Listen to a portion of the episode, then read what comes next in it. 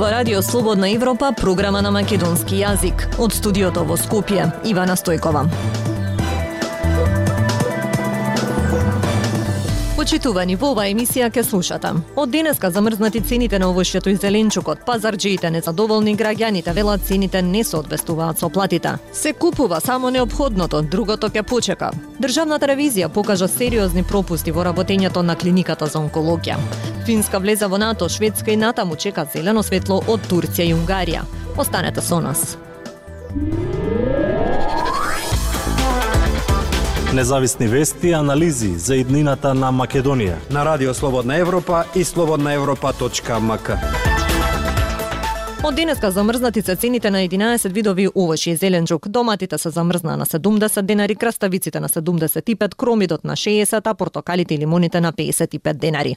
Пазарџиите негодуваат за замрзнувањето, граѓаните пак велат дека цените не соодвестуваат со платите и одвој врзуваат крај со крај.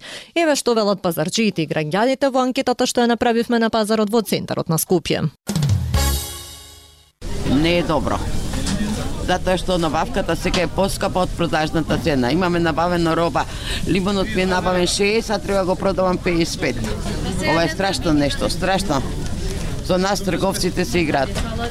Тоа имам само да кажам. Не е ова сега смрзната цената. И тоа мислиме, тој што го донесел овој закон, тој не е точен со мозокот. Тој треба да оди таму прво на производство, тоа да го направи таа цена. Да му помогне на тој човек таму и тој после да има рачун да дава ефтина. Нема што е, еве, падна цената сега 70 динара пастиџанот. Тоа е све, нема што да зборам. Ако ние пензионери имаме со ниски примања, тоа е работа. Па не стига како што ќе стига. Плаќаш парно, струја, вода, таму телефон. Тоа е. Доматите сега која цена 70 динара денес. Да, тоа е све. Висока ли е А, Не е висока, добро, 50 до 70 се јаде, ама од таму 100 150 тоа е многу е. Тука е свар. Благодарам. Ау, лажни вести и спинови само емитуват. Се е лажна вест, душо. Толку имам да кажам. Па, како што гледам, нема цени намерно, за да не гледаме колку е цената. Ако прашаш, ќе ти кажат, само во цел пазар, само на три места видов, краставички, по 75 динари, ама па не е квалитетни. Нема квалитет.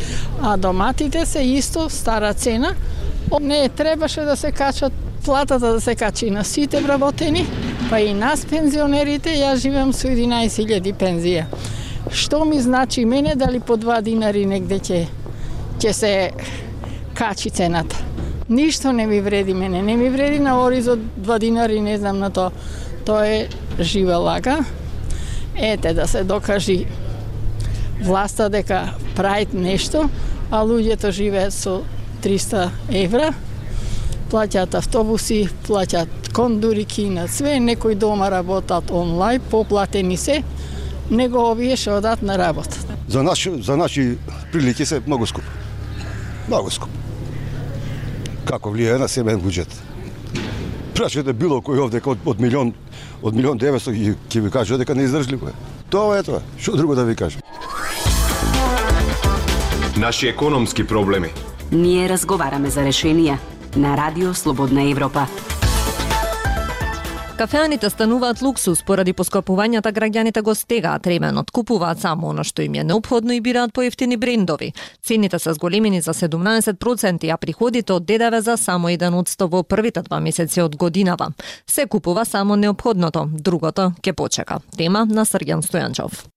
Ако граѓаните лани купувале поскап шампон или кашкавал, сега ги бираат поевтините брендови или ги чекаат на попуст, па дури и тие чинат повеќе отколку што поскапите чинеле лани велат трговците. Трошоците за живот во февруари годинава биле за скоро 17% повисоки од истиот месец лани. Поради тоа граѓаните се откажуваат од работите што не им се необходни. Угостителите велат дека има осетно намалување на бројот на гости во кафеаните.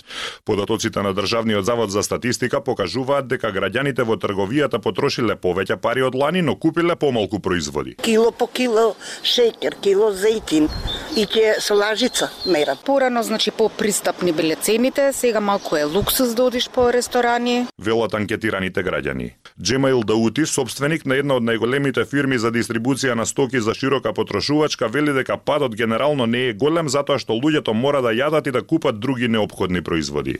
Но се осеќа кај е, скапите брендови, дали тоа се работи во е, средства за хигиена или е, производи од храна, значи кај поскапите брендови познати се осеќа пад и кај дел од готовите е, производи за јадење. Председателот на Угостителско-туристичката комора Аркан Керим вели дека се забележува намалување и во нивниот сектор, но причината ја гледа во иселувањето. И фактички ние немаме на кого да продаваме рестораните, ни, ни кафе нема на кого да продава. Остана само пензионерите и студентите во држава. Работоспособната снага сите си замина на печалба во странство.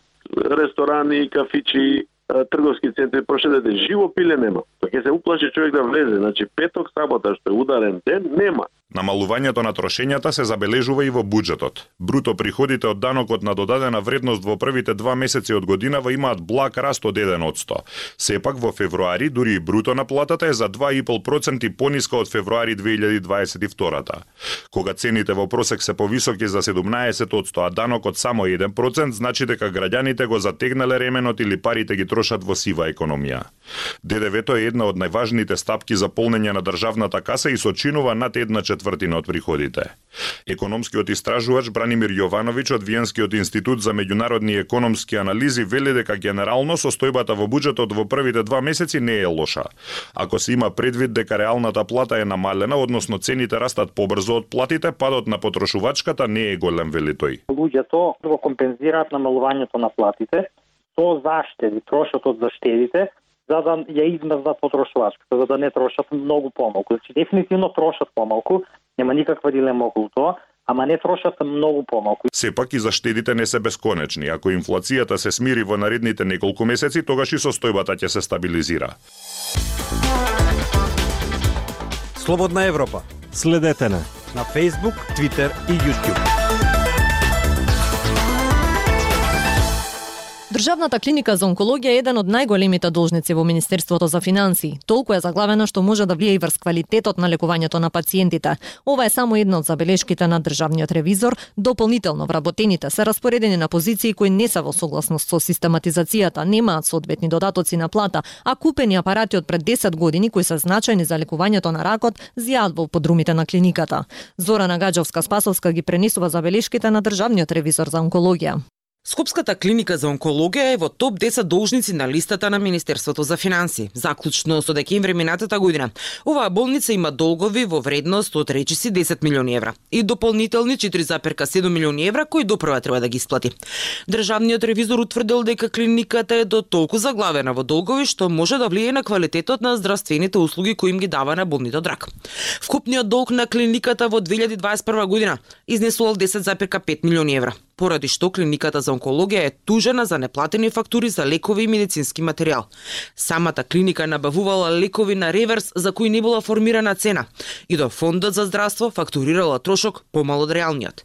Ревизорот утврдил дека е неизвестна исплатата на долгот што клиниката од 825.000 евра го има кон други клиники, како и дека Министерството за здравство и должи на клиниката 2,6 милиони евра за услуги направени од 2009 до 2021 година. Оваа состојба има влијание врз финансиската состојба на клиниката и квалитетот на услугите што се даваат на граѓаните и создава ризикот за старување на побарувањата, се вели во извештајот на ревизорот. Ревизорот утврдил и дека и хемотерапијата и хормоналната терапија за лечење на пациенти од канцер е ненавремено набавена во клиниката. За проблемите во набавките на цитостатици и хемотерапија пишувавме неколку пати. Проблемите со цитостатици и хемотерапија кои ги нотираше ревизорот во извештајот за 2021 година на терен веќе во 2022 година стана многу поголеми. Со месеци доцнеше тендерската набавка за цитостатици, па пациентите беа приморани да чекаат за терапија која може да им го спаси животот, иако рокот од 27 ден кога е необходно да ја примат дозата им изминал. Во Македонија секоја година околу 6000 луѓе во просек се диагностицираат со рак, а ракот е и втората најчеста болест од која се умира во земјава кога во јавноста се појавија и наводи за можно препродавање цитостатици од оваа клиника. Тогашниот министер за здравство Беким Сали прати ревизија и побара оставка од директорот. Еден од клучните проблеми кои ги нотира ревизорот во работата на Скопската онколошка клиника е некористењето на бавениот апарат за лекување на болниот рак. Радио Слободна Европа во 2021 година истражуваше за набавени три медицински апарати уште во 2013 година вредни милиони евра за лекување на канцер кој фаќа прашина во магазин затоа што за нив не беше изграден соодветен бункер каде што требало да бидат ставени. Станува збор за линеарни акселератори кои зрачат високоенергетски зраци со чија помош локално се уништуваат туморски клетки или во најмала рака го стопираат нивниот раст и развој. За време на мандатот на поранешниот министер за здравство Никола Тодоров во 2013 година беа набавени 4 линеарни акселератори. Еден за градската болница 8 септември, вториот беше за државната клиника за онкологија, каде што беше поставен во 2015 година. Ревизорот сега утврдил дека за овој апарат нема соодветна просторија. Според ревизорот, одговорноста за лошата состојба на клиниката сноси поранешниот директор Никола Васев, кој на оваа функција беше избран во 2017 година и неговиот заменик Нехат Нухи. Актуелности свет на Радио Слободна Европа. Финска влеза во НАТО, но влезот на Шведска и натаму го блокира Турција. Аналитичарите не очекуваат Турција да ја ратификува апликацијата на Шведска пред изборите што треба да се одржат на 14 мај. Дури и тогаш не е јасно што би предизвикало промена на мислењето на председателот Реджеп Тајп Ердоган. Унгарија пак го следи водството на Анкара. Но зошто Турција ја блокира Шведска, слушнете од прилогот на Марија Тумановска.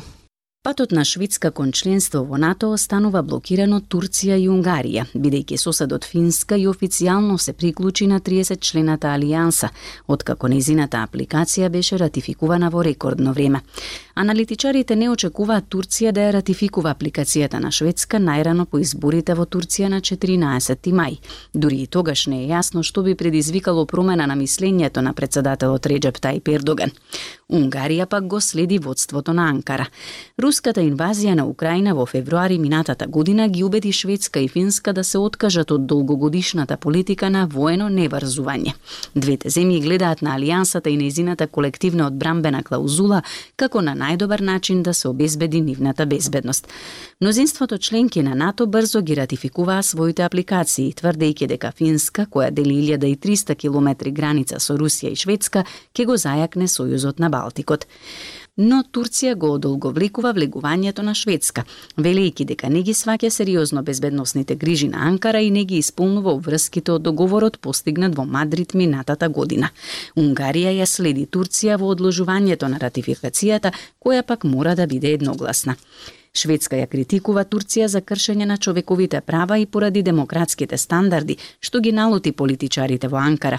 Турција вели дека Стокхолм крие припадници на како што вели терористички групи, обвинение што Шведска го негира. Во последните недели Турција се спротистави на протестите во Стокхолм за време на кој беше запалена светата муслиманска книга Куран, а во друга прилика ликот на Ердоган беше обесен наопаку.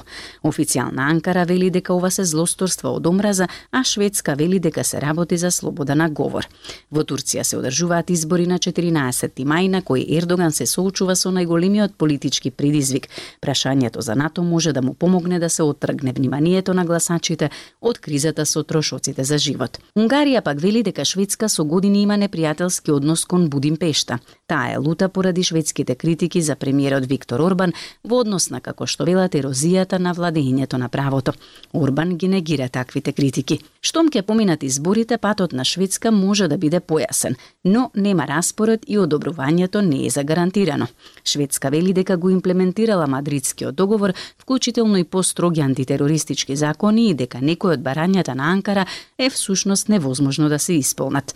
Шведска рече дека незината безбедносна позиција е подобра сега отколку пред незината апликација во НАТО.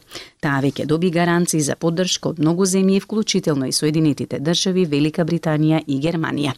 Генералниот секретар на НАТО Јан Столтенберг неодамна изјави дека би било незамисливо алијансата да не ја поддржи Шведска доколку и се заканува некаква безбедносна опасност. Шведска веќе тесно соработува со НАТО, а условите за интеграција се во напредна фаза. Тоа беше се во вестите на Радио Слободна Европа од студиото во Скопје со вас беа Ивана Стојкова и Дејан Балаловски. До слушање.